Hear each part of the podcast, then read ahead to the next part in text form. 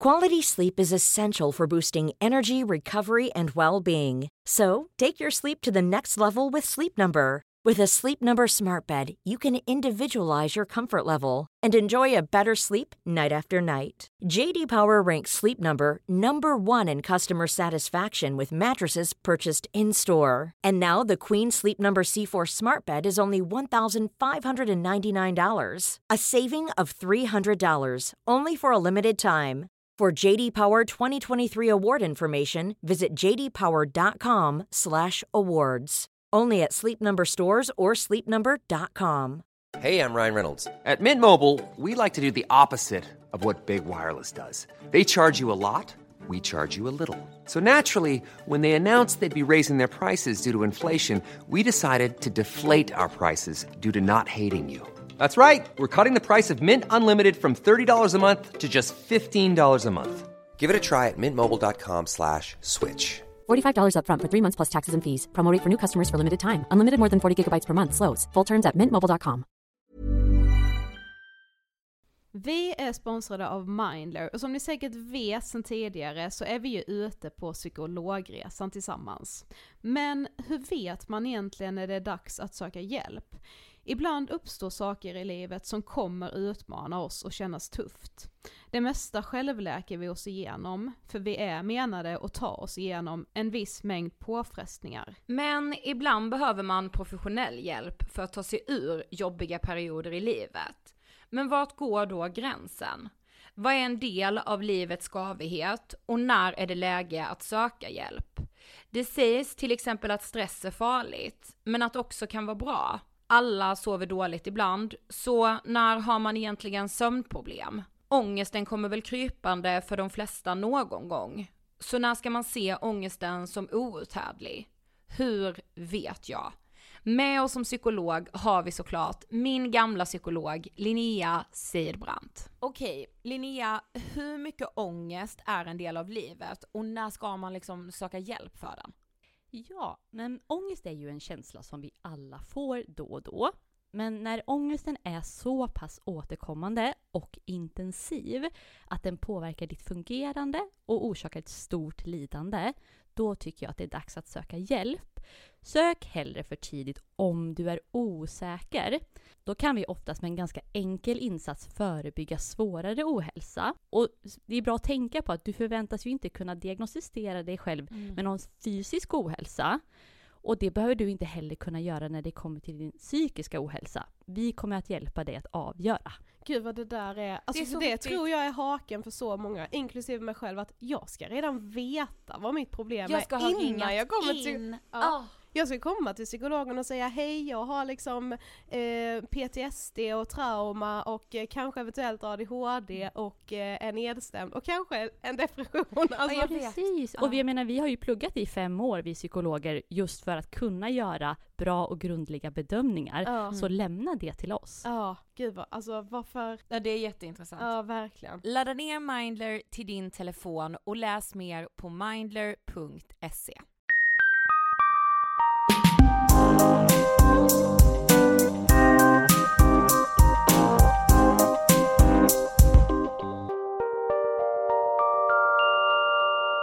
Hej allihopa och välkomna till avsnitt 331 av Ångestpodden! Mm.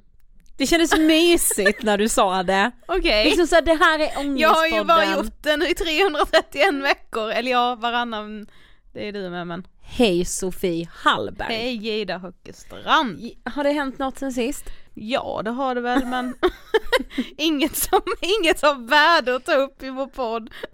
Nej, jag fattar. Eller, tänk, eller tänkte du på något särskilt eller? Nej, jag undrar Nej. bara. Ja. Om det är något Nej. du har top of mind? Nej, det är bara liksom rulla på lilla livet. Ja. Eh, jag är väldigt glad över att så många tyckte om vårt sommaravsnitt som vi släppte förra veckan. Jag är faktiskt chockad. Ja, och det är så kul att det har liksom att det, det såklart är det inte lika stort för er som för oss att vi har gjort det nu i sex år i rad, men jag fick ändå någonting av att det verkar betyda någonting för er med, Ja. för jag liksom, för ibland kan jag känna så här inför de avsnitten att så här, gud, jag nämnde ju det med att så här, det är samma skit, sommar Ja, ut jag är så rädd in. att vi, alltså att vi ska bli blasé och inte komma med något nytt Nej, eller att man precis. ska känna, men det är liksom, det var, ni var så många som var så här: jag har längtat efter detta, då börjar sommaren när ert sånt här avsnitt kommer. Ja men också just den här bekräftelsen på att även ifall jag har pratat om det här nu redan fem år i rad innan det här så är det inte konstigt att jag får ångest igen. Nej. Att, för jag kan känna mig lite dålig ibland att så här, varför lär jag mig inte då? Ja. För jag vet ju att det är ett problem, jag vet att jag mår dåligt över det och ändå känner man bara att man trampar vatten liksom. Ja. Och då är det skönt att känna att man inte är ensam om just det. Ja verkligen. Ja, Jag, jag har känt liksom att, alltså jag, jag har verkligen känt att vi fick sånt gehör ja. för avsnittet vilket är, alltså den känslan är så fin. verkligen. i liksom när man delar med sig av jobbiga saker eller man delar med sig av liksom någonting som man har sett och så, Mm. ja herregud det är därför vi gör den här podden. Ja, och sen är ju sommaravsnittet också just så här. Den ångesten är ju så aktuell eftersom vi är där just nu. Det är en sak om man Precis. sitter och pratar om någonting som man har mått dåligt över för ett halvår sedan Mm. men det är, det är så himla aktuellt, kanske inte just idag för det spöregnar i Stockholm just nu, men liksom ändå. Vi går in i min födelsedagsvecka. Det gör vi. Åh gud. När detta släpps fyller jag ju inte år, nej just det. För jag, jag fyller You wish! jag fyller år på mors dag. Och då, jag sa till Emil, eller sa jag det till dig? Nej jag att jag vet bara gud att man måste dela det med alla mammor. Fy fan! Vet du vad som var så fint? Det var att min mamma födde mig på mors dag. Ja det är fint. Det är jättefint. Ja. Vi är denna veckan sponsrade av Ellos! ja det är vi! Får jag prata lite om min kvinnokropp Absolut. med dig och Mellos? Ja. För du vet, kvinnokroppen, det var därför jag ville säga just, får jag prata om min kvinnokropp? Mm. För kvinnokroppen är ju så mycket mer laddad än, än den manliga kroppen. Ja, och precis som vi pratade om förra veckan så blir den ju på något sätt extra laddad precis runt den här tiden, Ja. varje år. När det Precis. börjar bli lite varmt, man kastar av sig kläderna höll jag på att säga, men det är ändå det lite man gör, man går inte med lika mycket kläder på sig, man vet att snart är det dags för en badsäsong, Mm. ut på stranden bland folk, det finns mycket att ha ångest över. Men du vet, alltså jag kan typ så här minnas, vilket kan göra mig så ledsen, men när jag tänkte på så här hemska saker som kunde hända mig när jag var ung, så var det typ så här att någon skulle se om jag hade en valk på min mage. Mm. Det, alltså Sofie, det tycker, och så här, då, då hade jag typ inte det. Nej. Nu har jag ju jättemånga valkar på min mage. Mm. Ja men just de här valkarna eller celluliter eller vad det än är som ska bli som något statement. Ja men också Alltså kan man bara få se ut så? Ja, det ju, handlar ju också om att det inte bara ska bli utan att man ibland nästan är ett vandrande statement för att man typ, ja men inte skäms över sin kropp eller bara visa upp kroppen precis som den är och så tycker andra att så här, shit vad modig du är. Ja. Man bara, men va? Jag menade inte att göra något statement här Nej. nu, jag bara, Jag bara jag finns, bara finns här och andas. jag existerar. och tänkte gå och ta mig ett dopp för att det är varmt. Och Alltså, sen undrar jag ju då när börjar det här i att, ja men nu, i att du vet så här att kroppen är liksom ett, blir föremål för dåligt mående eller blir föremål för ångest. För jag minns när jag och en kompis när vi var små, Mm. när vi badade tillsammans och båda hade bikini på sig, då kunde vi sitta på bryggan och så kunde vi göra så här: vilkens mage kan se ut som att den skrattar mest. ja. Mm. Alltså förstår du? Ja. Och att så här, det var ju bara nice att Mm. så här, ser du med min mage ser ut som att den skrattar? ja. Men nu är det helt plötsligt en mardröm att jag kan skratta, alltså att det kan se ut som en smilegubbe på Precis, magen. eller att så här naveln gör att det pekar neråt så det man är en sur gubbe Ja liksom. exakt. ja. Men att så här, det är så befriande att tänka att jag, någon gång har jag ju bara tyckt att det varit härligt Mm. och jag vill liksom ha samma synsätt på min kropp som jag hade då. Man skulle liksom vilja få tillbaka barnasinnet när det kommer till hur man ser på sig själv och sin kropp. Och vi och Ellis vill bara säga så här Sofie. Livet är för kort för att inte glädjas åt att magen kan vara en smilegubbe. Ja, verkligen alltså så. förstår du? Ja, Smilegubbe på magen, ja tack. ja, tack Ellos. Vi är denna vecka sponsrade av Always! Det är en stor dag. Ja, det är med den stora äran jag berättar detta. Jag med, att vi ska få jobba med Always. Ja. Att vi ska få prata om mens. Ja, och jag har tänkt en del på hur trött jag kan bli när jag tänker på allt smusslande jag har hållit på med genom åren. När det kommer till att gå och byta binda, eh, plocka upp en tampong från väskan och sen då smyga med den, alltså du vet hur hårt har man knutit sin näve Sin när man har haft en hand. tampong i handen Ja. för att ingen ska se att man ska gå och byta tampong på toaletten. Jag är, nej men det går inte. Nej. Jag minns en gång när jag hade fått mens på gymnasiet, jag tror det var gymnasiet, och så hade jag blött igenom och jag hade vita jeans. Jag minns Kommer detta. du ihåg det? Ja.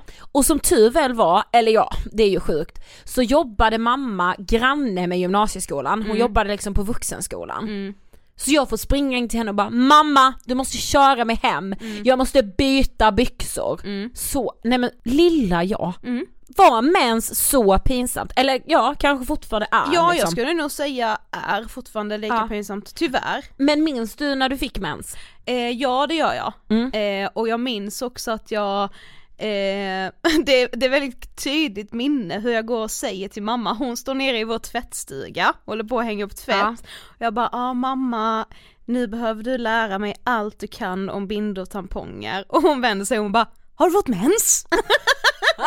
och jag bara, mm. Jag fick alltså min mens när det var stadsfestival i lilla Karlshamn som vi kommer ifrån. aha, oj, Jag fick mitt det- i en karusell eller vad? Nej det vet jag inte men jag minns att jag kom hem därifrån och bara Aha. mamma, Mm. och då hade jag fått min mens. Ja. Det gör mig väldigt väldigt stolt Sofie att vi nu ska få jobba med Always eftersom, ja detta är sjukt men fortfarande så är ju liksom hela samtalet kring mens tabubelagt. Ja, och det känns också som att det finns väldigt mycket pekpinnar och en djungel av saker som man kan göra rätt och fel som kvinna. Ja. Eh, och kanske framförallt då kring mensen. Ja, och det är superviktigt att prata om mens, men jag känner att vi kommer inte komma med några pekpinnar va? Nej! Ingenting. Absolut inte. Man kan inte ha mens på rätt eller fel sätt. Nej! Visst? Tack always. Nu var det återigen dags för ett väldigt informativt och viktigt avsnitt. Vi kände att ni var så himla många som skrev till oss och önskade fler avsnitt om stress, om utmattningssyndrom, om att eh, citat gå in i väggen Ja, och vi ville göra ett nytt avsnitt om det. och denna veckan gästas vi därför av psykologen David Vaskuri som just nu är aktuell med sin bok Nära gränsen, så använder du psykologens verktyg för att inte bli utmattad. Och alltså jag kan säga det, jag har läst boken och den är alltså fullproppad med så här konkreta tips på hur man kan förebygga utmattning och att känna sig stressad generellt, hur man hittar balans i livet. Ja och alltså inte nog med att David är psykolog, han är specialistpsykolog Yes. inom psykologisk behandling och psykoterapi. Och där får ju vi gåshud fattar ni Ja men det får vi ju. Men också så här, han skrev den här boken och även i avsnittet, alltså så här, han utgår ju från Ja men alla de insikter som han har fått från sina möten med klienter Mm. eh, som har någon stressrelaterad ångest. Mm. Eh, jag tror att det här avsnittet kommer uppskattas av många, jag hoppas verkligen det. Jag också. Vi rullar intervjun med David. Varsågoda! Hej David och varmt välkommen till Ångestpodden! Tackar, tackar. Nu har vi redan haft ett så bra samtal precis innan vi satte på mikrofonerna. Ja, det var lite Men- synd. Jag tror det kommer bli bra nu också. ja. Du ska få berätta, för de som inte vet, vem är du? Yes. Nej, men jag heter David, jag jobbar som psykolog. Jag är specialist i psykologisk behandling och psykoterapi, psykoterapeut, är socionom sedan innan ehm, och pluggar ekonomi nu, en MBA på, på Handels. Och, eh, så, men vem är jag? Jo, det, det är en djup fråga. ja, men näst 39 år, Eh, har en son som är tre och ett halvt som heter Leo. En eh, flickvän som heter Vendela och eh, jobbar, jobbar med terapi på nästan på heltid och sen har jag också ett, eh, grundat ett företag som heter Svea Psykologerna som är som ett nätverk egentligen av psykologer och psykoterapeuter i, i Stockholm Göteborg. Vi var på väg att komma in i Malmö också. Där, där vi då förmedlar klienter till andra eh, psykologer och försöker matcha ihop med rätt, rätt terapeut. Och, Ah. och jobbar med allting från stress, ångest, depression, eh, missbruk, parterapi. Eh, med, de flesta olika, flesta olika diagnoserna inom psykisk ohälsa och väldigt mycket med utmattning. Så Ja, där gör vi mm. också. Det är det vi ska prata om idag Yes. framförallt. Ja. Men vad tänker du på när du hör ordet ångest? Ångest. Jag tänker att det är ett brett ord, alltså att det ingår- så himla mycket i det. Och jag tänker allt från så här, hur man använder det i vardagen. Vissa personer säger ångest vid negativa känslor. Alltså vid varje negativ känsla. De är ledsna, åh jag känner ångest. Eller jag är rädd, ja, jag känner ångest. Men jag tänker dels att det används på det sättet, men dels tänker jag också att det används mer, om man tänker fight or flight-läget, om man ska gå in lite på så här torrt eh, psykologiskt, så här, autonoma nervsystemet, att vi har det sympatiska fight or flight som aktiveras vid både stress och ångest.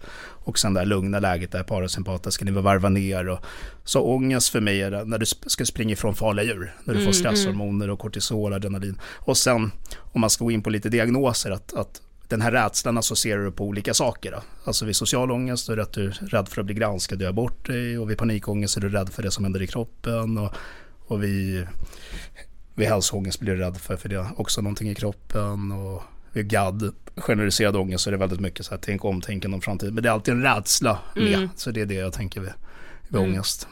Ungefär. Men just nu så är det ju du aktuell med eh, din debutbok Nära gränsen så använder du psykologens verktyg för att inte bli utmattad.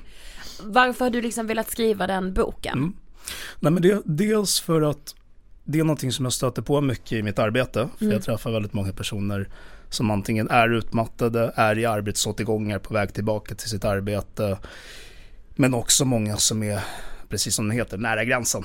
alltså att man är sådär eh, när, Och sen är det någonting som jag, tycker jag tycker liksom att att det är ett samhällsproblem. Jag tycker liksom att det här med livspusslet och om man ska liksom hinna jobba så himla många timmar och många arbetsgivare kräver så himla mycket och sen ska det vara lyckad i så många områden och, och Instagram och allt möjligt. Liksom. Så att jag känner att det är ett aktuellt problem. Jag stöter på det mycket i arbetet och att jag, för det är ju det man menar mycket vid, vid, vid, utmattning, att ju tidigare du, du, lyckas förändra ditt liv, desto bättre. Precis. Och, ehm, och då tänkte jag så här, ja men det finns en massa verktyg och det är inte bara för utmattning utan generellt, men, men det finns en massa verktyg som om alla bara visste dem tidigt så skulle man kunna förebygga och du skulle ha jätte, alltså du skulle ha färre folk som går till vårdcentraler och, och söker för saker om de hade lyckats förändra tidigare. men, men, och det var det jag ville liksom få ut i boken att ehm, ja, men om du gör de här bitarna, det är inte så här 100% i garanti, men tänker du på de här bitarna,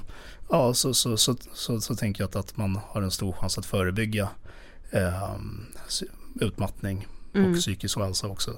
Sen, sen vill jag inte heller förenkla det. Jag vill inte heller säga, ah, låta för... För de så här fem stegen. Så, gör bara, läs boken så garanterar till 100% att du inte blir utmattad. För det kan jag inte göra, men, men, men åtminstone att, att de verktygen som jag har sett mig eh, som jag har sett funkar och som jag själv försöker använda mig av och som, och som ja, att, att vilja förmedla dem så, så att fler vet om dem och kan dem. Så, Ja.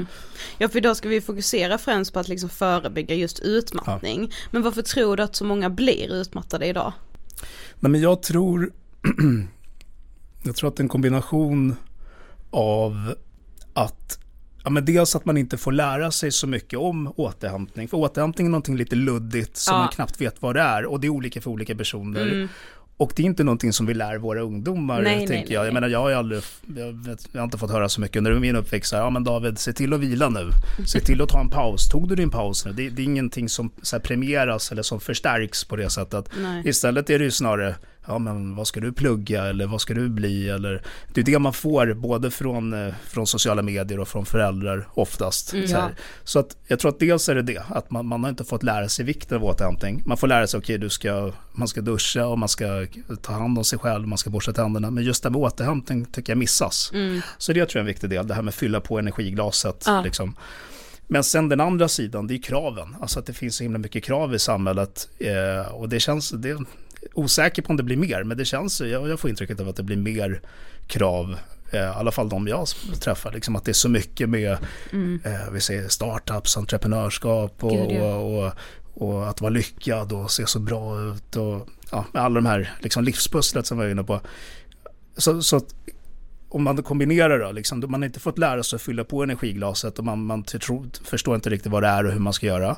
I kombination med att det är väldigt mycket som tar. Alla kraven, borde, måste, att man ska vara så himla perfekt och duktig eh, för att vara någon i det här samhället och sådär.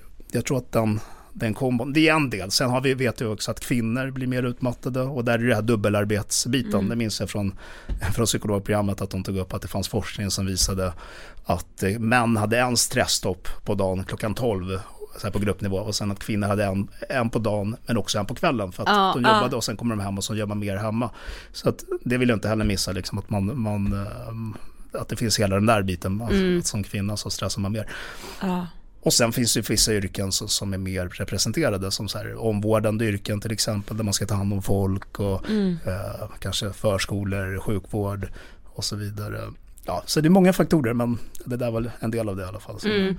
Ja men vi tänker också, för vi har diskuterat det mycket, alltså huruvida kraven ökar eller Ja. inte. Men om man tänker också på hur vi lever idag, bara sett till tio år tillbaka. Jag kunde inte jämföra mig med hela världen på tio sekunder Nej. för tio år sedan. Nej. Men på tio sekunder Ja. nu så Ja. har jag ju Ja. Kardashian-familjen Ja. eller så här världens Ja. Ja. rikaste entreprenör Ja. eller Ja. liksom Ja. i telefonen. Det är Ja. klart att Ja. det också är Ja. enorma Ja. krav Som man kanske inte, alltså man, kan, man är inte ens medveten själv Nej, om nej, att man jämför sig, men, Nej, men det, det- bara sker. Det är så mycket Ja. normala saker Ja. som idag framstår som misslyckanden, Mm. men som Ja. egentligen är en del av livet bara. Exakt. Gud det är så Exakt. sant. Ja. Ja. Ja, nej men verkligen, jag håller med till 100 procent. Jag tror Mm. att det där är en jättestor bit. Och det, det, nej men det, det finns en, en forskare i USA, jag minns inte vad han heter, men som forskar mycket på ung, ungdomar och tonåringar. Mm. Och att, att, att, att det kommer fram mycket till det här med sociala medier och hur det Så att det, det ligger jättemycket i det där, verkligen. Mm. Det, Ja. det är skadligt på många sätt. Men om man Mm. se, ser då liksom, alltså finns det så här vissa människor som riskerar att bli utmattade i större utsträckning än andra? Mm. Jo, men det... Alltså nästan allting i psykisk ohälsa är alltid så arv och miljö. Ja. Så att man kan ha sårbarhet, alltså mindre så här motståndskraft eller genetiska faktorer. Att man har liksom i släkten att man har en sårbarhet från början. Och så, och så är det, jag tror att nästan för all psykisk ohälsa, liksom, att man har lätt, vissa har lättare att bli alkoholister och vissa har lättare att bli deprimerade och, och, och så vidare. Så det tänker jag där, att, att det finns en ökad risk medfött. Men sen också det här det här med självuppoffring och man är till lags. Och det tänker jag kan vara saker som kommer mycket från uppväxten. Vilken roll man har tagit till sig alltså, hemma. Om man har tagit mycket ansvar och man har fått sagt nej, sagt gränser och man har lyssnat in sina känslor och behov eller man har varit lite så här people pleaser och att man, man bara brytt sig mycket utåt. Men jag tänker att den, den kategorin av människor har en ökad risk. För att det är klart, sätter inte, alltså att sätta gränser och säga nej, det är ett sätt att reglera min, min, min, stressnivå. Om jag kan säga nej, då kan jag också säga nej, jag kan inte det där, jag kan vila. Men om man säger ja till allt, då finns ju ingen gräns. Då kommer det yttre styra det och det kan det alltid komma lite till. Eh, någon, någon kund som skickar ett mejl och sen är det en, någon som ber om något och till slut så är det överallt. Så det är en risk. Sen det med prestation och duktighet, eh, som också kan vara en grej som kommer mycket från uppväxt, tänker jag, och, och från samhället såklart. Att, att, ehm, att man vill vara så duktig och man vill liksom göra så bra ifrån sig. Och det här med perfektionism, alltså att man vill leverera en 10 av 10 hela tiden. Och det kan man ju inte, ibland är det en 5, ibland en 3. Men att man accepterar inte att, att, att det är en 3 och en 5, utan man slår på sig själv. Man är självkritisk. Och, och, och, och att och det vi jobbar med där är mycket det med good enough och att ha en snällare självdialog och att Ja. försöka vara lite mer snäll mot sig själv. Men jag tänker att det är också en sån där, vad finns det mer? ADHD är väl också överrepresenterat. Som jag har förstått det. Och, ju- just, och det, där ingår det, det är klart, är du lite hyper och har svårt och lite impulsiv så kommer du hoppa på en massa saker och ta på dig en massa projekt kanske och, och så kommer du stressa mer av den anledningen. Mm. Ehm, det finns säkert många fler, men det där är de, som jag, de första som jag tänker på Ja. där. Mm.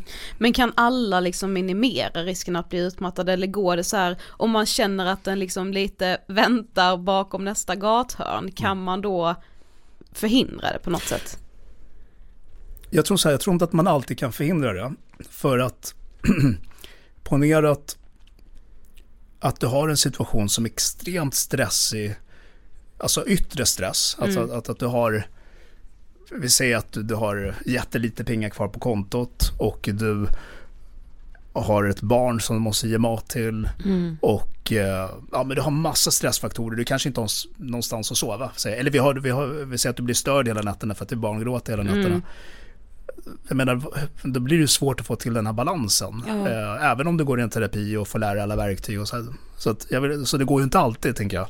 Men jag tror att de allra flesta, nu var ju det en extrem situation jag beskrev där. De flesta befinner sig inte i en extrem situation. Utan oftast kan man ju faktiskt förändra en del. Och, och, och, och där vet man ju att sömnen liksom är jätteviktig återhämtning. Eh, och det kan man ju fixa till. Jag menar långsiktigt med terapi men det finns också mediciner för det. Eh, så jag skulle, så extremfall nej men jag tror att de allra flesta kan, kan, kan eh, förebygga eller göra det bättre. Och sådär, absolut. Det tror jag. Men vi tänker att det är viktigt att skilja på positiv stress Ja, och ja, negativ ja. stress. Vad är liksom skillnaden? Skillnaden är att, alltså att positiv stress, som till exempel nu när jag var på väg hit och så är det så ah, det är inte jättemånga minuter kvar, kommer jag hinna? och, men det är lite spännande, lite kul för jag bara, "Ah, jag ska vara med i den här spännande podden och allting. Då är det så här, den stressen är inte farlig på något sätt för att man känner sig lite upprymd och lite sådär, jag, jag skyndar mig lite extra. För hade jag varit för lugn så kommer jag ju fem minuter för sent så att jag skyndar mig lite extra. Så det är ju positivt på ett sätt och det är inte skadligt. Och vi gjorde för det, men vi gjorde för att kunna springa ifrån det här farliga djuret och sen vila och ladda med energi. Så att det är ingen fara. Men den, men den negativa, det är ju den långvariga. Alltså att det är som att du springer ifrån tigrar dygnet runt i sex månader i sträck ungefär. Och du, fyller, och du får ingen återhämtning. Du hamnar aldrig i det här lugna, det här parasympatiska lugna systemet utan du är bara i det här stresssystemet. Och det är det som till slut blir utmattande och börjar ge de här symptomen med minnet och koncentrationsproblemen och tröttheten och kravkänsligheten och, och sömnsvårigheterna och, mm, och allt, det innebär, allt som det innebär att vara utmattad. Så positivt är kortvarigt. Man känner kontroll över situationen så att man vet att så, ja, jag har stress just nu men jag vet att senare kommer jag kunna vila. Och man har möjlighet till stöd. Till exempel om jag är på en arbetsplats så kanske man känner stress för en ny uppgift. Men, po- men positiv stress skulle vara då, oj jag känner stress, det här har jag aldrig gjort förr, men jag har någon att fråga. Och jag vet att imorgon är det lördag och då kommer ingen störa mig för då kan jag Mm. vila. Det är stöd och kontroll ungefär. Just Så det. länge du har resurser så blir det en positiv stress och du har möjlighet till återhämtning efteråt. Men ponera att du får den här arbetsuppgiften och du känner den här, oj kommer jag kunna fixa det? Men du har ingen att fråga för du har en chef som säger, nej men det där ska du kunna själv. Inget stöd. Och du har ingen kontroll eller för att du har folk som mejlar dig hela helgerna och du har en chef som tvingar dig att svara. Nej, på vår arbetsplats svarar vi direkt. Då har du ingen stöd, ingen kontroll, ingen chans till återhämtning. Och gör du det över tid, då är det en negativ stress. Så det där är lite så här skillnad mellan positiv och negativ. Mm. Men vad är då egentligen utmattningssyndrom och hur vet man om man håller på att liksom bli utmattad eller om man faktiskt kanske redan är det? När man ska kolla på kriterierna, då är det liksom, du ska ha haft stress i ett halvår. Sen träffar jag ibland folk som kanske har fyra månader och har samma symptom. Så att, men om man ska kolla på kriterierna, Ja. ett halvår. Så, så att du är inte utmattad för att du hade en dålig helg så att säga. Nej. Utan du är utmattad för att det har varit en långvarig stress. Och, och sen om man ska kolla på kriterierna så är det de här symptomen jag var inne på med minne, koncentration, lätt irritation, kravkänslighet, alla de här, trötthet. Eh, att man har haft under en 14 dagars period. Och att de påverkar dig, liksom att det ska vara på den nivån att, att du inte funkar. Liksom att du är på jobbet men du kan inte göra dina vanliga arbetsuppgifter lika bra som vanligt. Att man eh, st- ställer in saker, man, man gör saker men det blir fel. Man kanske står där och ska trycka in bankomatkoden men minns inte den. Eh, och det finns formulär vi brukar använda som ett hjälpmedel när vi sätter diagnosen, så att, en som heter KEDS. Så att är man över ett visst antal poäng så indikerar det att, att problemet är tillräckligt stort. Sen kan ju folk känna igen sig där utan att uppfylla riktigt kriterierna, men man är nära. Och jag skulle säga att det, det är bättre att ta tag i det tidigt då, än att vänta tills man är Många väntar ju tills de är riktigt så här trötta, att de kommer Ja. till jobbet och får en panikattack och, och eh, så här, lämnar nycklarna i kylskåpet eller är Mm. förvirrade. Eller, så här. Och helst ska man inte behöva ta det till den nivån, Nej, utan känna igen det här nej. tidigare. Mm. Men vad, alltså vad skulle du säga, alltså finns det något som är liksom tidiga varningssignaler som ofta eh, liksom kommer i ett ganska så tidigt skede? Mm, men jag tror att de där som jag nämnde, men att man börjar känna dem milt, alltså mildare, Ja, det tror jag kommer tidigare. Men sen förvärras de över tid. Men att man ska ta dem på allvar redan tidigt utan att bli rädd för stress som vi pratade innan, Ja. innan podden. För jag vill inte heller så här förespråka att, att man ska ta minsta lilla, oj nu blir jag lite stressad, det är farligt, inte så. Men, men jag tycker ändå att börjar man bli så här, oj jag känner, jag känner mig kravkänslig, de här kraven som jag brukar klara av vanligtvis, de, de, det, där, det där som är lätt annars är jättesvårt nu. Börjar man känna så, då har det ändå gått en bit. Den tycker jag man ska ta på allvar. Och också trötthet. Och så här, nej, men jag orkar inte gå och träna för att, och det är inte bara för att jag orkar inte gå och träna för att jag ska kolla på YouTube och käka chips. Utan, utan då är det så här, jag orkar inte gå och träna för att jag känner mig för uttröttad i kroppen. Ja. Den tycker jag också är sån här viktig. Eller om man känner att man går upp för trappor, oj vad tungt det var liksom.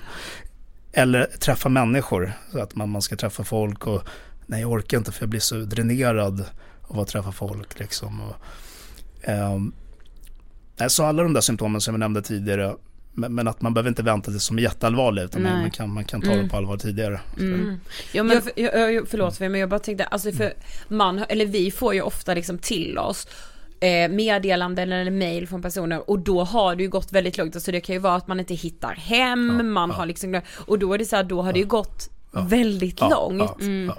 Men att man ändå inte är lärd att så här, jag behöver hjälp liksom. Nej. Ja för hur lär man sig att man ska ta det här på allvar innan man liksom har fallit dit ordentligt? Jag vet att det var en som skrev till oss att så här, ja men i början på förra året så började jag känna av lite så här, ja men utmattningssyndrom typ och sökte hjälp men fick då Ja. ingen hjälp för Ja. hon var ju inte sjuk Ja, ännu. ja, ja. Hur ska man liksom, Och det är det som är problemet här. Ja. För att vården, jag menar om du går till en vårdcentral, då, då är det liksom så här, då ska du ju då ska du vara sjuk så att säga. Eller Mm. man säger väl oftast till och med att men gå, ta hand om dig själv om du inte är för sjuk. Jag har Ja. en vän som är läkare som, så, att jag, för- liksom, så, så har jag förstått att många läkare tänker. Att, Mm, att, ja. man liksom, att man ska söka när man, eftersom de kan, kan inte hjälpa till så mycket innan man är riktigt um, Alltså att det är det mycket liksom att, att, att ha kunskap om det, information, lära sig det, eh, just det vi pratar om nu.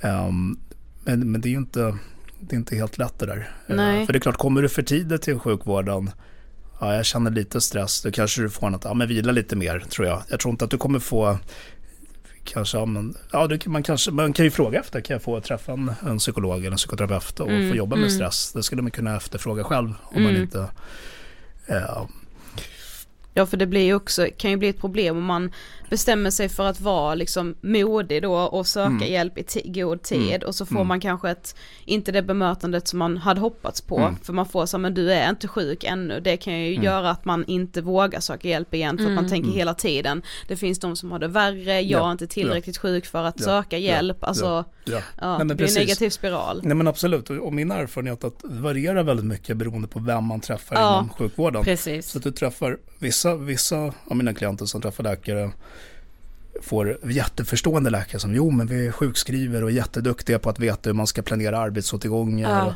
Men sen finns det vissa som, jag, som inte får någon bra respons. Där de kommer tillbaka, ja David jag träffade läkaren där men det blev inte, jag kände mig inte förstådd och och så, här, så det är väldigt varierande Mm. på hur man, jag tror hur man ser på utmattning men också förståelsen och sen att man har så lite tid, du kanske träffar någon tio minuter, en kvart eller Ja, någonting. just. Så här, hur ska de hinna göra en riktig bedömning och, Ja. och sådana bitar. Ehm, men, men eh, det man kanske kan tänka där är att ha kunskap själv om utmattning, att man läser in sig på egen hand, alltså på internet eller via böcker och så vidare. Och, ehm, Din bok till exempel. min bok till exempel. Ehm, det är en sak att öka kunskapen. Och, eh, men sen kanske också när du går till sjukvården att, att, du, att, du, att du kan sätta ord på det själv. Mm. Så jag märker att okay, jag har de här symptomen, jag Just brukar det. inte ha dem annars. Jag vill, jag vill gärna ha hjälp från er. Eh, kan jag få en remiss till någon av era, Mm. era psykologer eller psykoterapeuter? Eller att man, att, att man söker det utanför. Eh, och ehm, ja, så, så, att man, så att man själv ber om det så att säga. Mm. Och sen, ja, ungefär så. Eh, du skriver i boken om inre och yttre stressorer. Mm. Vad är det för något? Ja, men precis, men det där är ju ett sätt att dela upp ehm, i, om vi tänker yttre stress, det jag menar där, det är så här saker som är, som är utanför dig själv, som inte har med din personlighet att göra, som inte har med hur du är att göra, utan vi tar den här chefen en gång och säger, men eh, vi förväntar oss att du alltid svarar på dina kunder inom två timmar, till exempel. Om Mm. man, det skulle vara en yttre stress, för det är ju en chef, det är någonting utanför mig själv. Medan inre, eller till exempel en skilsmässa, eller att en, en, man har en gammal förälder som behöver hjälp, alla de är yttre liksom. Mm. Ja. Medans inre stress tänker jag mer är de här att man är självuppoffrande, prestationsinriktad, Ja. ens egna mönster. Ehm, eller om man har en ökad sårbarhet för psykisk ohälsa. Alltså allting som är inom en men som inte är yttre faktorer så att säga. Ja. Men vad är då livskompassen och hur kan man använda sig av den för att navigera i sitt mående? Nej, men livskompassen är ju ett, ett, ett verktyg som kommer från ACT, så här Acceptance and Commitment Therapy som är en gren inom KBT. Och jag tycker den är väldigt bra för att i traditionell KBT så tycker jag ibland att man, man jobbar inte med helheten på samma sätt. Ja, vissa kanske gör det ändå, men jag tycker att just det där verktyget är så att du tar in hela livet. Du tar in liksom tårtbitarna, relationer och jobbet och skolan och häl- hälsan där ingår ju allt från sömnen och motionen och alkoholvanor och sen har du fritidsintressen. Och sen pratar man mycket mer framåt. Quality sleep is essential for boosting energy, recovery, and well being. So, take your sleep to the next level with Sleep Number. With a Sleep Number smart bed, you can individualize your comfort level and enjoy a better sleep night after night. JD Power ranks Sleep Number number one in customer satisfaction with mattresses purchased in store. And now the Queen Sleep Number C4 smart bed is only $1,599, a saving of $300, only for a limited time. For JD Power 2023 award information, visit jdpower.com/awards. Only at Sleep Number stores or sleepnumber.com. Cool fact a crocodile can't stick out its tongue. Also, you can get health insurance for a month or just under a year in some states. United Healthcare short term insurance plans, underwritten by Golden Rule Insurance Company, offer flexible, budget friendly coverage for you. Learn more at uh1.com. Mycket så här, vem vill jag vara? Kärnvärden. Vem vill jag vara som människa? Och då kanske man märker att, aha, okej, jag vill vara ärlig, men jag säger hela tiden ja till den här chefen, så, så, som jag beskrev tidigare, bara för att jag är rädd för att han ska bli arg. Och så märker jag, okej, mitt kärnvärde är lite i konflikt med mitt, eh, vem jag egentligen vill vara. Och då får man jobba med, ja men vad kan jag göra där? Och då kan man gradvis börja träna på att gå lite åt det hållet. Eller man kanske kommer fram till att det var omöjligt på den här arbetsplatsen. Jag fick byta jobb för att Ja. det gick inte med, med den här chefen till exempel. Men, men det handlar mycket om att undersöka de olika områdena i livet, de här viktiga tårtbitarna. Kolla hur viktiga de är för mig. Och får de det utrymmet jag vill att de ska få och, och är jag tillräckligt, och hur nöjd är jag med varje område. Och, och då ser man ganska fort, ja jo men jag, jätte, alltså 1 till 10 så har jag en trea på mitt jobb, ja men då, så här, det, det är solklart, då är inte det jättebra. Jag kanske har en tvåa på sömnen, ja men det är inte solklart, det är inte heller bra. Men då blir det väldigt tydligt vad man behöver jobba med. Och Det handlar mycket om att öka på dem och, och må så bra som möjligt i, i de olika områdena. Och det här används, man säger att det är transdiagnostiskt, så att det innebär att den används för många diagnoser. Allt från depression, ångest, stress. För det vill jag också ta upp att det är så himla vanligt med samsjuklighet. Alltså det är ju sällan någon kommer bara med en grej, utan man, man Precis. kommer ju oftast med utmattning plus att man kanske har depressionssymptom plus en del panikattacker och, och, och sådär. Och, men den används liksom till, till alla de här områdena. Jo men nu var du inne lite på det, men just det här, eh, du skriver också om över och underskottsbeteenden. Eh, vad är det liksom, hur ska man använda sig av de här beteendena för att må bättre? Ja, ja. Nej men precis, så den där kan ju låta lite torr och jag var så här nästan så ska jag ta med den i boken eller inte för den lät så här underskott och överskottsbeteende. Men det är en sån här som man använder i i KBT liksom när man ska, när man träffar en klient. Och, och överskott, underskott handlar om vad jag gör för mycket och vad jag gör för lite av. Och inre och yttre handlar om inre beteenden, då pratar man om tankar och känslor. Ja. det, I KBT menar man att det är ett inre beteende. Och yttre beteende, vad man ser att en person gör. Om man skulle filma den, vad skulle man se att den, att den gjorde det? Och, och genom att börja, om vi har fyra kolumner då, över, un, överskott, underskott, inre och yttre. Och så börjar man fylla i dem då. Okej, vad har du ett överskott av? Och då ser man kanske, ja, överskott yttre. Jag säger ja för mycket till chefen. Mm. Jag är för många timmar på jobbet. Jag, jag dricker för mycket alkohol. Ehm, liksom man fyller i allting som ett överskott. Det blir väldigt tydligt. Underskott då? Då kanske man ja, sover för lite. För det är ett yttre beteende. Sömn, det kan man ju filma. Man skulle kunna se att någon sover. Så det är ett Ja, yttre beteende. Ja. Ehm, jag tränar för lite. Jag eh, träffar mina vänner för lite. Jag har för lite pauser under dagen. Okej, ja, men då har du underskott. Och sen går man in på, på inre beteenden, överskott, underskott. Överskott, då kanske det blir, ja men jag oroar mig för mycket. Det är ett inre beteende, tankar. Jag är arg, väldigt arg för ofta tycker jag. Okej, jag är ledsen ofta. Trötthetskänslor ofta. Kritiska tankar om mig själv ofta. Ja men det är inre.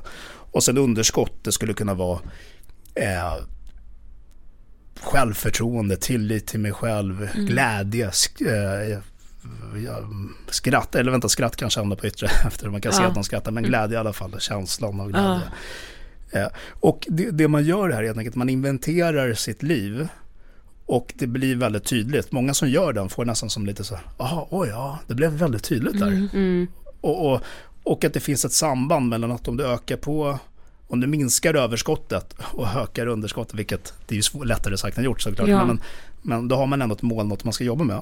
Då, då kan man också påverka diagnosen. För om vi tar en person som är deprimerad, ja men då har den ett underskott av aktiviteter och ett överskott av eh, att vara hemma och, och, och sådär. Och genom att öka på så kommer ju också, det finns ett samband. Men gör du mer saker så grubblar du mindre och så Ja. får du färre depressionssymptom. Och vid utmattning, ökar du på återhämtningen, ja men då kommer du känna mindre trötthet. Alltså det, så att det finns liksom ett samband där. Mm. Men det känns ju också som att man så här, alltså just nu är vi liksom indoktrinerade i att man ska vara glad och känna de här lyckokänslorna typ hela tiden. Och att hade jag gjort en sån där liksom, ja men retat upp över min livskompass så kanske jag hade liksom beskrivit mig själv som ganska besviken över att jag inte är glad oftare. Men hur ska jag då lära mig att så här, men det är så livet ser Ja, ut, du ja. kan inte vara glad hela Ja, tiden. ja, det kan ju ja, göra att jag ja. liksom hamnar i en jättenegativ spiral Ja. bara på grund av min egen bild av hur Ja. min verklighet ska Ja. se ut. När den är, det är helt omöjligt. Ja. Alltså Ja. Ja. hur bryter man den? Ja, ja.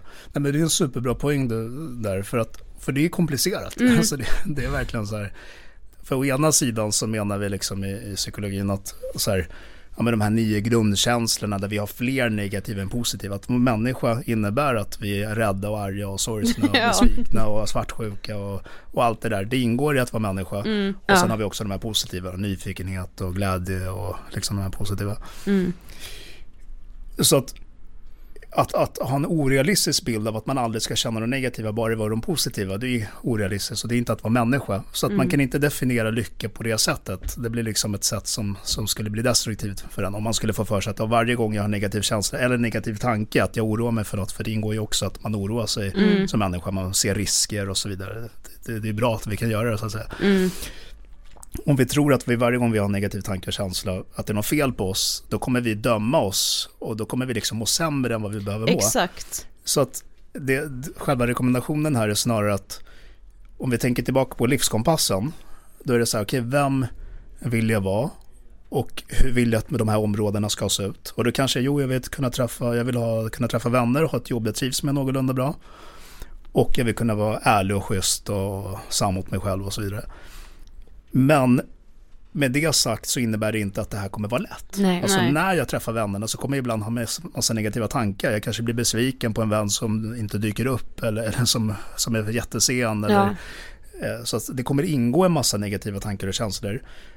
Och där handlar det någonstans om att det måste man kunna acceptera och se, ta- det för vad det är och inte tro att man är, att man är sjuk. Eller att, man, Nej, att, det är något, att det är något sjukligt i det. Ehm, så att kunna skilja på vad är vad. Alltså att vara deprimerad, så, här, så pass deprimerad att man, att man är hemma och känner att livet inte är värt att leva. Ja, den ska man såklart ta på allvar och jobba med och söka hjälp för. Men att ha negativa tankar och känslor, där handlar det mer om att lära sig att hantera dem. Men inte ha någon orealistisk bild att, att de aldrig ska vara där. För, Nej. för det finns ingen som, då skulle man inte vara människa. Liksom. Nej. Nej, men man exakt. måste inse att det är en del av livet. Det är en del av livet. Att vara lite negativ ibland. Ja, Ja, Ja. verkligen. Och, bara- och känna att allt är piss ibland. ja, Det är klart man vaknar vissa dagar och Ja. bara, det här är inte kul. Det här är en dålig dag men det Ja, kan ja. sen komma en bra dag liksom. Nej men absolut. Ja. Nej men precis, precis. Ehm, Exakt. Men vad är fusion och diffusion? Just det, Nej, men precis. Nej, men det är också än en gång, jag gillar ju den här ACT-grenen inom kompetens som Ja. ACT och det är taget därifrån. Och det handlar om att när vi är i det här fusion så är man sammansmält med tanken och man menar att vi är gjorda för, för att sammansmälta med tanken. Om vi tar ett exempel att vi blir jagade av en farlig björn exempel. Och så springer man, då, då är det ju bra att jag får tanken, om jag ser björnen där borta, att den är på väg mot mig, Ja. då är det bra att jag tänker så här, oj den kommer, den kommer attackera mig, Ja. eller? Men den tanken behöver inte stämma. Det skulle kunna vara så att den kommer fram till mig och stannar. Men det var bra att jag sammansmälte med den, eller att, vad ska man säga, att jag trodde på tanken, för den fick mig att agera. Det. Och då var det inte bara en tanke, jag fick förmodligen en känsla också. Jag fick liksom fight och flight-läget kickade igång och ja, massa olika saker. Men, men bara för att illustrera att vi är gjorda för att fastna och vi kan inte vara, det finns ingen som kan vara 100% mindful, att den alltid säger, ja nu tänkte jag på det där och nu tänkte jag på det där. Nej. Någon som skulle vara, för det är det som är diffusion. Det är när du lyckas att observera tanken på håll. Liksom att du ser tanken för, som en tanke och att, att det, det är inte fakta och, och en tanke är bara en tanke och, och att du har distans till den. Det är diffusion. Så tanken är inte att du ska vara 100% eh, diffused, för det finns ingen som skulle kunna vara det. Och det skulle inte heller vara bra. Jag menar, då skulle man ju ta väldigt lång tid på sig. När den här björnen kommer så skulle jag, Exakt. ja, men, oj, nu har jag en tanke om att björnen kommer att attackera mig. Och så hinner jag bli uppkäkad. Ja, så det är inte så bra liksom, eller?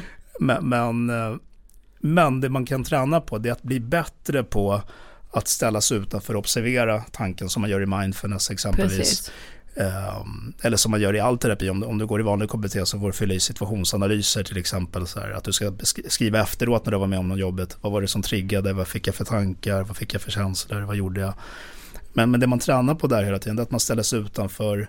Så nästa gång man hamnar där så kan man, ah, oj nu får jag de här tankarna igen. Ja men nu vet jag att de där brukar komma. Så just det att kunna ställa sig utanför, reflektera. Man kallar det för att ha ett metaperspektiv. Eh, att, eller ob- observera dem. Eh, det är det diffusion handlar om. Och det är Men bra. alltså ja. så typ så här, alltså jag tänker typ när jag hade så jättemycket problem med panikångestattacker, då fick jag ofta det när jag satt på middagar. Mm. Ja, ja. Så fusion är då att jag får den här panikångestattacken Ja, för ja. jag tänker att liksom, Ja, ja, nu kommer jag, ja, nu kommer ja. alla titta på mig, Ja, jag kommer, ja, ja, ja, Och diffusion är om jag sitter på middagen och så här, okej nu kommer den här tanken att jag ska få en ångestattack. ja men superbra exempel, verkligen. För Då att, lyckas jag ja, liksom, ja, ja. okej. Precis, för att vid panikångest, men det har ju ni koll på för det har jag ångestpodden. Ja. Så jag vill inte så här låta som att jag ska förklara saker för er som ni redan vet. Men, men det, Fast vi älskar när, Ja. när, när vi har psykologer här, då vill vi ha allt okej. förklarat. Nej men vi tar panikångest, då ingår ju väldigt mycket. Och det tar jag med i boken för att det är väldigt vanligt för folk som är stressade att de också får panikattacker. Så att det ena ger det andra så att säga. Men, men om vi tänker att, att i panikångest ingår ju att du feltolkar dina kroppssymptom. Jag menar, Ja. Man får lite hjärtklappning eller man får eh, skakningar. Och så kommer tanken, tänk om jag svimmar, tänk om jag dör, eller tänk om någon ser mig, vad pinsamt, eller tänk om jag Om jag kräks. Ja, tänk om jag också. kräks och, och så, så det är en feltolkning, för man, oftast gör man ju inte det. Nej. Det kan ju säkert hända någon gång, men det, man, oftast gör man inte det. Så, att, så precis som du var inne på, om, om, man, om man blir för så här, sammansmält eller man hamnar i fusion med den tanken, då kommer det bli superjobbet för då kanske, åh nej jag måste gå härifrån och jag kanske, folk ringer ju ibland till och med så här 112 och åker Mm, in för ja, hjärtklappning och så kollar precis. man sen att det inte var någonting. Och, eh, eller den här middagen liksom, att man, man, man kanske ja, gör på massa olika sätt. Man sitter där, man går till toaletten. Man, Ja, ja, just det, det, känner det har jag och, gjort. och, och, så, och det blir ju ett litet undvikande som ger en kortsiktig vinst. Precis. Men problemet med det är att det vidmakthåller ju problemet. För då lär man sig att ja, de här tankarna kanske stämmer. Och nu spydde jag inte, men det var för att jag lyckades ta mig till, till toaletten. Mm. Ehm, men om man då skulle tänka mer diffusion, då skulle man tänka precis som du var inne jaha nu feltolkar jag igen. Ja, det är de där tankarna igen om att jag ska kräkas, men de brukar faktiskt inte stämma. Nej, för vad är det jag faktiskt känner? Jo, det jag faktiskt känner är någonting i magen, men det där med kräkning, det är ju en tanke. Det har inga belägg för att jag kommer kräkas. Exakt. Och, och, och om du tränar på att exponera dig och stå kvar och vara kvar trots tankarna och du till slut lyckas vara kvar utan att det händer någonting, utan att du behövde springa iväg, ja men då är det bra för din panikångest. Det Mm. kommer liksom minska panikångesten. För det finns ett samband mellan att vara mindre rädd och färre panikattacker. För Ja, någonstans exakt. triggar man igång sina egna panikattacker. Ja, Det kommer ett symptom ja. och sen börjar man säga oj vad är det där för något? Och sen Precis. triggar det igång den. Och, och genom att vara mer diffused, alltså accepterande, Jaha, nu fick jag en tanke om att jag ska kräkas. Det låter nästan lite löjligt när man säger så, Ja. men ja, nu fick jag en Ja. tanke. Så, så blir det nästan som att, det, jaha, det är bara en tanke. Ja, det blev jobbet, ja, men man låter det passera. Ja, precis. Sen kanske man lyckas skifta tillbaka uppmärksamheten ut till middagen. Ja, som man exakt. använder mycket i social ångest och panikångest. Där, att, Mm. vad vad är det de pratar om där borta? Och så riktar du din uppmärksamhet på det istället. Och då Mm. skiftar du fokus utifrån, alltså inifrån utåt istället. Och, Mm. och den typen av saker. Men det finns ju en diskussion också kring just utmattning om huruvida det liksom det ens är en diagnos som bör finnas. Det är många länder som inte, alltså Sverige är ett av ja. få länder som Just faktiskt det. använder sig av den Ja, diagnosen. just det, Vad tänker du kring det? Nej, men jag tänker att det är bra att det finns en diskussion för att jag menar det är ju så med diagnoser, om du kollar från så här, DSM-4 och sen DSM-5, det ändras ju hela tiden. Ena året heter det social fobi och nästa år heter det social ångest. Och Just man det. kommer fram till att det passar bättre. Och, Mm. och ena året heter, heter det missbruk och beroende vid alkohol, men nästa år så heter det substansbruksstörning. Det Mm. ändras från år till år. Det är ju sånt som Ja. vi mm, inte Som vet om, vi vanliga Ja, inte ja, vet. ja. Exakt. Ja. Så att, så att det ändras och jag tycker det är bra. Jag menar att det ska ju vara så. Jag menar, det är ju så att forskning, eh, da, dagens sanna, sanning är, är morgondagens liksom, vad säger man, osanning eller Mm. fiction. Så. Och ehm, så att det, det är ju mycket av det vi säger idag så, som, som om 30 år kommer man veta mycket bättre. Så det är Mm. bra att det rör sig åt det hållet. Eh, Så det är säkert så att det finns jättemycket saker i diagnosen som inte är helt hundra och, och behandlingarna vet man ju att, att just för folk som är jätteutmattade så, så, så verkar inte behandlingarna ge jättemycket utan det handlar mer om att, att förebygga i tid och, sånt där. Det. Att det ger mer. Ehm, så att den kritiken som jag har hört har ju varit dels att en diagnos som väldigt många får men som även har annat. Så egentligen handlar det om ADHD eller depression och så vidare. Och så Mhm, vidare. Eh, och att, att man kanske, om du bara kallar det för utmattning, men så tog du inte tag i det egentliga, att det skulle vara då, dåligt. Och det är klart, det är inte bra om det används som en så felaktig diagnostik, att, att du sätter fel diagnoser så att säga, utan man måste ju alltid kall, alltså, diagnostisera rätt. Mm. Är det någon som har utmattning, som visar utmattningssymptom, men även ADHD kan du inte bara kalla det för en utmattning. Då är det viktigt att du kallar det för rätt grej. Det är en. En annan är ju det här, de här stressrehabsbehandlingarna. Eh, Det finns sådana här eh, gruppbehandlingar som man går till sjukgymnast plus till en, en psykolog och sånt där. Jag tror kritiken de fick var att de lyckades ju inte, som vi var inne på, för- förkorta sjukskrivningarna. Mhm. Eh, sen, alltså man kan ju tycka vad man vill om det, men om vi inte har något bättre i dagsläget än det vi pratar om nu med återhämtning och allting. Precis. Ska man bara då låta folk liksom, här, inte ge dem någonting? Mm. Så, att, så det tänker jag också en viktig faktor här. Att, att man försöker med, med det man kan, så att säga.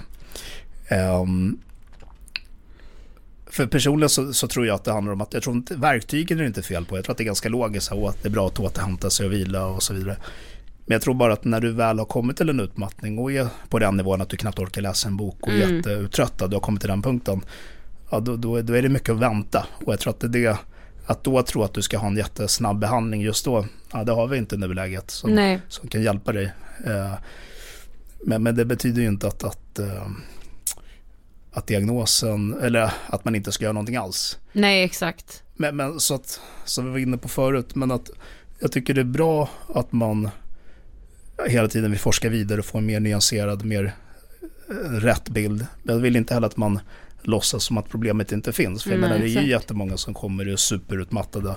Och ska man då säga, nej men du tror att du känner det, men du känner Nej, inte det. Eller, eller, eller du har ju egentligen depression. Nej men den kanske inte ens har depressionssymptom, utan den har ju faktiskt de här symptomen som vi beskrev Mm. tidigare. Och Ja. sådär. Ja. Mm.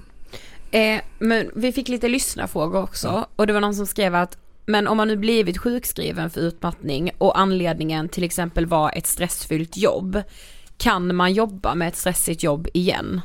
Det är en bra fråga. För att jag menar, när du är sjukskriven så brukar du vara det tills du blir lite, har färre symptom. När man börjar känna att ah, nu är mitt minne lite bättre, jag är inte lika uttröttad, jag märker att jag börjar orka lite mer. Man behöver inte vara helt hundra, för det kan ju ta tid tills man är helt hundra. Men att man börjar känna att man mår bättre.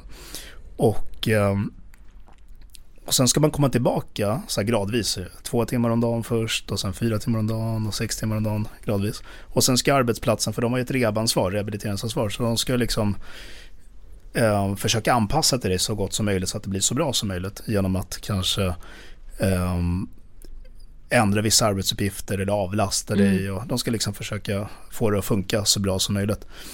Så det, det där är ju en så komplex fråga. Ja, kan du komma tillbaka till exakt där du var om det var, en dålig, om det var dåligt för dig, vi säger att det var en dålig arbetsmiljö. Du, hade, du jobbade dygnet runt och du, hade, du överarbetade, du jobbade 200%. Nej, men det skulle jag säga att det skulle jag inte rekommendera att gå tillbaka Nej. till det dåliga såklart. Men innebär det att ja, jag måste ta ett jobb, vi säger att man hade ett jobb som någon sorts eh, konsult som är ute och ett lite stressigt jobb. Så här, måste jag lämna det och bli, vad ska vi säga som är ostressigt, bibliotekarie? Ja. Är, är mer ostressigt, det kanske är stressigt, jag har ingen aning. Nej, jag tror att du kan, kanske kan gå tillbaka till att vara konsult, men det måste vara på rätt sätt. Ja exakt. Det måste liksom vara, eh, du måste begränsa kanske timmarna, du, måste ha, du får inte överjobba, du måste se till att du får din sömn, balansen. Eh, och, då, och då har jag sett folk som får det att funka om man gör det på rätt sätt. Men vissa väljer också, och det är inte fel heller, att välja att nej men vet du vad, just det jobbet funkar inte för mig om man känner det inombords. Så jag söker mig mer till det för det blir enklare där. Ja, För där ja. har de, det är ett annat klimat, det är andra förväntningar, vi jobbar färre timmar. Och då tycker jag att, så man måste lyssna in sig själv. Jag Mm. vill inte säga att nej, har du varit utmattad en gång kan du aldrig mer ha det jobbet du hade tidigare. För det stämmer ju inte. Men det gäller att göra det på rätt sätt Mm. i så fall. Och det är inte heller fel om man skulle byta. Nej. Nej precis. Det är väl viktigt att man, att man förstår varför man blev utmattad. Tänker jag. Exakt, det är jätteviktigt. Ja. Ja. Eh, Också så väldigt stereotypisk fråga till det här ämnet, men om man är utmattad, går det att göra saker för att bli frisk snabbare? Ehm, Men det är, det, som, det, är den som är lite svår för att alltså jag tror att man, man, menar både och där. Liksom att, ja men förmodligen så, så måste det vara så att jag menar, om du är hemma sjukskriven och sover en timme per natt kontra en som är hemma och sover åtta timmar per natt. Så, så, så borde det vara så att den som sover åtta timmar per natt. Så att det måste finnas saker du gör som gör att, att, att, att det går fortare än, än för den som sköter sig jättedåligt. Mm, mm. Så sju- hur du fyller din sjukskrivning borde ju ha någon sorts... Eh, men samtidigt menar jag att, att, att de här behandlingarna som finns i dagsläget, i alla fall den forskning som jag har läst och slutsatserna jag har läst har varit att, att man inte sett att man kan korta ner så mycket med Aha, behandling. ja. Ehm, så att den är lite dubbel. Ehm, Ja, jag, men, jag, men, men, jag, men, jag, vill ändå säga att så här, jo, men när du är sjukskriven, gör rätt saker som Mm. de rekommendationerna att få, få in återhämtning. Mm. Men, men, sen kan det vara så att du ändå inte känner någon snabb effekt. För det, det är väldigt vanligt att det är så att folk säger jo, men jag gör mina mindfulness-övningar och Mm. jag sover mina timmar men jag är fortfarande uttröttad. Och där är det, väldigt mycket tålamod. Att man får vänta, Såklart. vänta, vänta. Och det, det, det är inget som går att liksom så här, ja nu har jag gjort tre mindfulness-övningar så nu känner jag mig pigg igen. Utan det, det är tid liksom. Mm. Ja. Och där blir det ju med det jobbiga såklart är att om man, för det vet man ju med att man har liksom hört många som har blivit utmattade som bara sover, alltså de sover, sover, sover och ändå mår de inte bättre. Och då blir det ju en stress i att varför börjar jag inte må bättre? Exakt. Och så fortsätter man må dåligt Ja. för att man får Ja. panik över att man Ja, inte ser ja. några framsteg. Exakt, Ja. exakt. Och, där, och där tänker jag att ungefär, jag vet inte om det är bra eller dålig liknelse, men vi säger att du bryter benet. Mm. Ja, men nu går- gick jag och tog bandage, nu har jag varit hemma, nu har jag gipsat och varit hemma en vecka, jag är inte bättre än. Nej, men det kommer ju ta den tiden det tar för Mm. benet att läka. Och jag tänker att det är lite samma med utmattningen också, att Exakt. det kommer ta den tiden det tar. Mm. Eh, Det, så att även om man gör rätt saker så kommer man få vänta. Och att det är väldigt tålamodskrävande och, och sådär, Mm. verkligen. Mm. Eh, men har du några tips alltså till de som är närstående, alltså om man står vid sidan om och liksom känner sig ofta väldigt maktlös och liksom Finns det några tips eller något man kan tänka på? Jo, absolut. Tipsen är att avlasta, att försöka förstå personen så gott man kan, lyssna in den, vara lyhörd. Mm. Um, för många personer som är utmattade vågar inte säga det riktigt. Man skäms lite grann för man Ja. är ju den här som alltid har ställt upp för andra. Man är kanske så här, oj får jag ta den platsen? Får jag säga att jag mår dåligt? Mm. Eh, vad kommer folk tänka? Kommer de tycka att jag är misslyckad? Kommer de tycka att jag är svag? Så att, att ha det i åtanke som anhörig, att, att tänka att oj, det, är- det är förmodligen svårt för den här personen att erkänna det här. Så hur kan jag hjälpa den här personen att vara öppen? Genom att visa att man inte dömer, visa att man finns där. Eh, Så både psykologiskt, visa att man finns där och lyssnar, men också rent så här praktiskt. Kan jag hjälpa dig med det här? Kan jag hjälpa dig med det här? Liksom att tänka att den här personen behöver ha så lite krav som möjligt. Exakt. Så man kan både hjälpa med att fylla på energiglaset genom att vara där och stötta och vara lyhörd och sånt där. Man kan också hjälpa med det som tar energi genom att avlasta rent praktiskt. Och eh, vi säger att personen är barn, men då kanske det är så här, okej, behöver du barnvakt? Behöver du så att du kan gå och ta en promenad ett Ja. tag? Eller så att du kan gå och ta en massage? Eller så att du kan göra det här och det här. Men att finnas där, men, men också respektera att inte vara för pushig. Mm. Och om man vanligtvis är den som ringer till den personen med, med och berättar sina, liksom att man brukar få stöd av den personen, tänker att "Nej, men just nu kommer inte jag kunna få stöd av den här personen. Utan Mm. just nu behöver den här personen bara ta hand om sig själv. Den behöver liksom få in sin återhämtning. Så att man får kanske söka andra personer. Då får man själv eh, eh, switcha och bli den som ger stöd Mm. till den. Man får inta den rollen istället. Mm. Och så där. Det som är svårt ibland är att i ett par så kan den ena bli utmattad och så ska den andra börja avlasta men sen blir den andra också utmattad Ja, för att den gud, fick ja. extra mycket. Exakt. Och det är ett svårt läge när båda är. Så det är jobbigt att vara anhörig också. Ja, Eh, speciellt vi säger att man är ett par och så har man barn tillsammans. Den ena blir utmattad, sen ska den andra ta allting. Hur länge orkar den det? mm, mm, mm. Så att det, kan vara väldigt svåra, svåra lägen där. Men då får den också börja söka, förhoppningsvis söka hjälp utifrån. exakt. Professionellt men kanske också från, från, från sina nära och kära. Om det är någon, familjemedlemmar, någon, någon farmor som kan ta barnet ett tag och avlasta. Och, eh, kanske själv behöver bli sjukskriven ett tag för att få vila. Och, och. Exakt. Ja. Men det var också en som eh, ställde en också väldigt relevant fråga, tänker jag. Alltså många som ju blir utmattade är ju, som vi har nämnt, så väldigt prestationsinriktade, och säger alltid ja till allting. Att, hur ska man tänka om man som närstående ser att man har någon i sin omgivning som håller på att bli utmattad, men som själv inte vill inse det? Eller som säger nej men nej, det Det händer känns inte ju mig. liksom. väldigt vanligt. Ja verkligen, hur ska man liksom, Ja. hur kan man på något Mm. sätt sätta ner foten? För det tänker jag att man som närstående faktiskt vill göra för att Ja. man vill ju bara den personens bästa på Nej, något men det sätt. där är en jättebra fråga och den, den är verkligen relevant. För att så, det är ju rätt vanligt att personerna som håller på att bli det inte själva ser det som ett problem. Mm. Det Ja, är ju just det. otroligt vanligt. För de har aldrig varit det tidigare. Och sen ingår ju det lite, inte för alla, för vissa blir väldigt trötta, men det finns också de som känner innan de blir utmattade att de klarar hur mycket som helst. För det Mm. ingår ju det här med adrenalinet och kortisolet. Ja, att det är lite så det. övermänniska, att man är supermänniska, att man klarar av hur mycket som helst. Men egentligen är man ju trött, men Mm. man känner inte det på grund av stresshormonerna och sådär. Så det är klart, om du står bredvid och så ser du den här personen som inte sover och som eh, har alldeles för mycket. Man bara tänker oj, det är bara en tidsfråga och man känner sig orolig. Och, eh, och så är man maktlös också, för jag menar, det är ju, den personen är sin egna person. Ja, ja, man kan inte tvinga den att Nej. söka en behandling eller, eller förändra. Vad ska man göra? Men jag tänker att, att ändå ta upp det att, att berätta, så kan vi sätta oss och prata. Jag känner mig orolig. Jag märker att du jobbar extremt mycket. Eh, Du får inte din vila. Folk som inte vilar över tid. Alltså det finns ju en risk för utmattning. Så kan du snälla börja tänka på det här. Skulle uppskatta om du kan prata med någon. Mm. Men sen, jag menar, om, det, om den sen, nej nej men det, det är ingen fara, jag vill inte. Vad ska man då göra? Då får man ju Nej. nästan så här inse att man inte kan göra så mycket mer Nej. just då. Och vänta tills personen själv vill söka hjälp. Om Mm. det nu skulle hamna där. Men, Mm. men det är svårt att stå bredvid. Men jag tänker att ändå ge det ett försök. Men går det inte så, så går det inte. Då Nej, kanske man får vänta så det finns ett läge senare kanske istället. Mm. Ja, Man har bara gjort sitt bästa då liksom. ja, ja.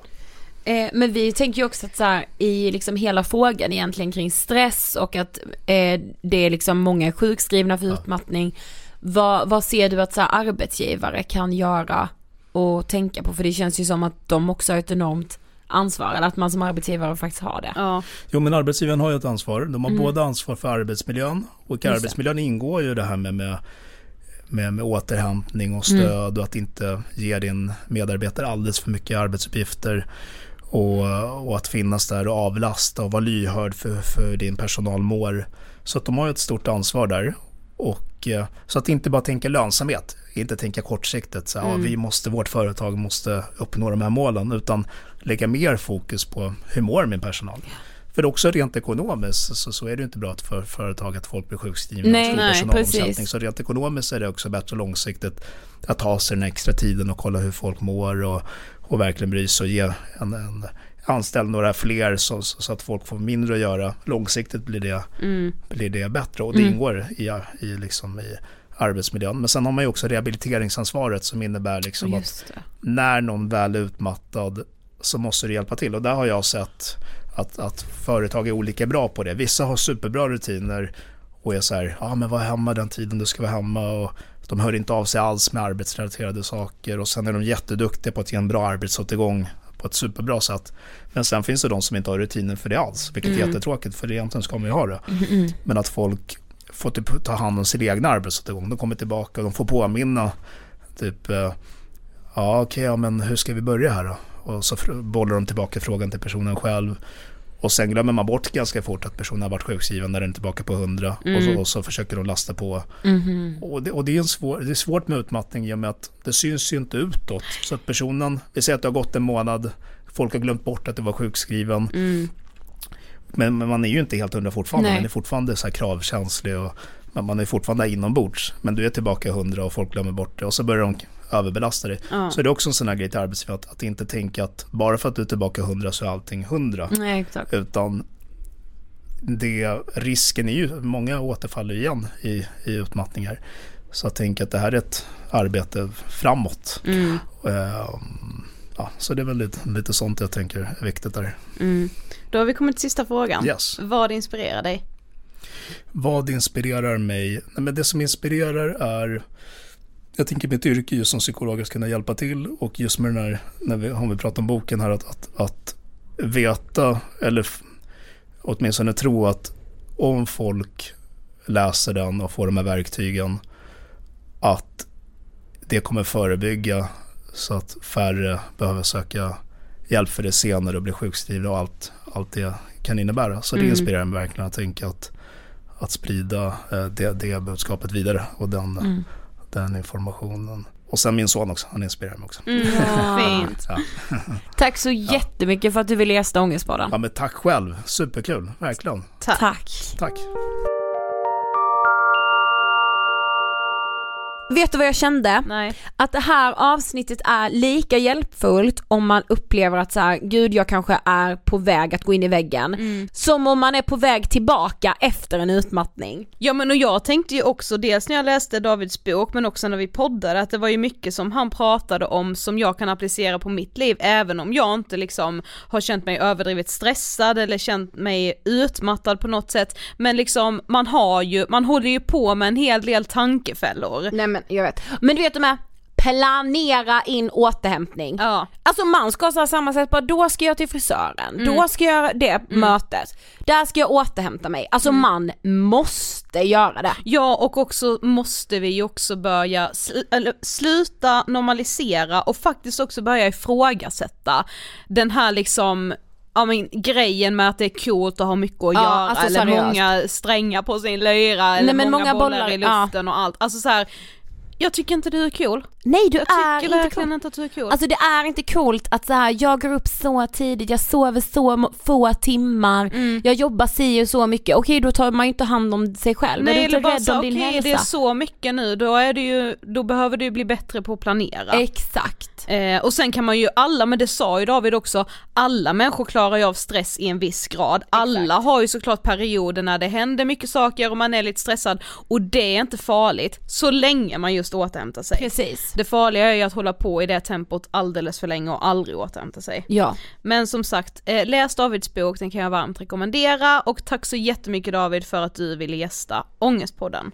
Ja, så glad att vi gjorde ett nytt avsnitt om utmattning. Det känns verkligen som att det var länge sedan och som att många har önskat det. Ja, och tyvärr är det ju ändå ett ständigt aktuellt ämne. Ja. Det var allt för den här veckan. Tack alla som har lyssnat idag. Ja, eller den här veckan, ja alla som lyssnar den här veckan. Ja, alla som lyssnar över tid Ja, också. Det kanske någon, tänk, någon kommer ju säkert sätta på det här avsnittet och så är det typ så här 2025. Ja. Alltså du vet, att någon lyssnar tillbaka nu. Hej. hej, hej framtiden! Hej framtiden. Ja, Vi okej. hörs i framtiden, nämligen nästa torsdag. Ha det gött! Tills puss dess, puss! hej då! Hej!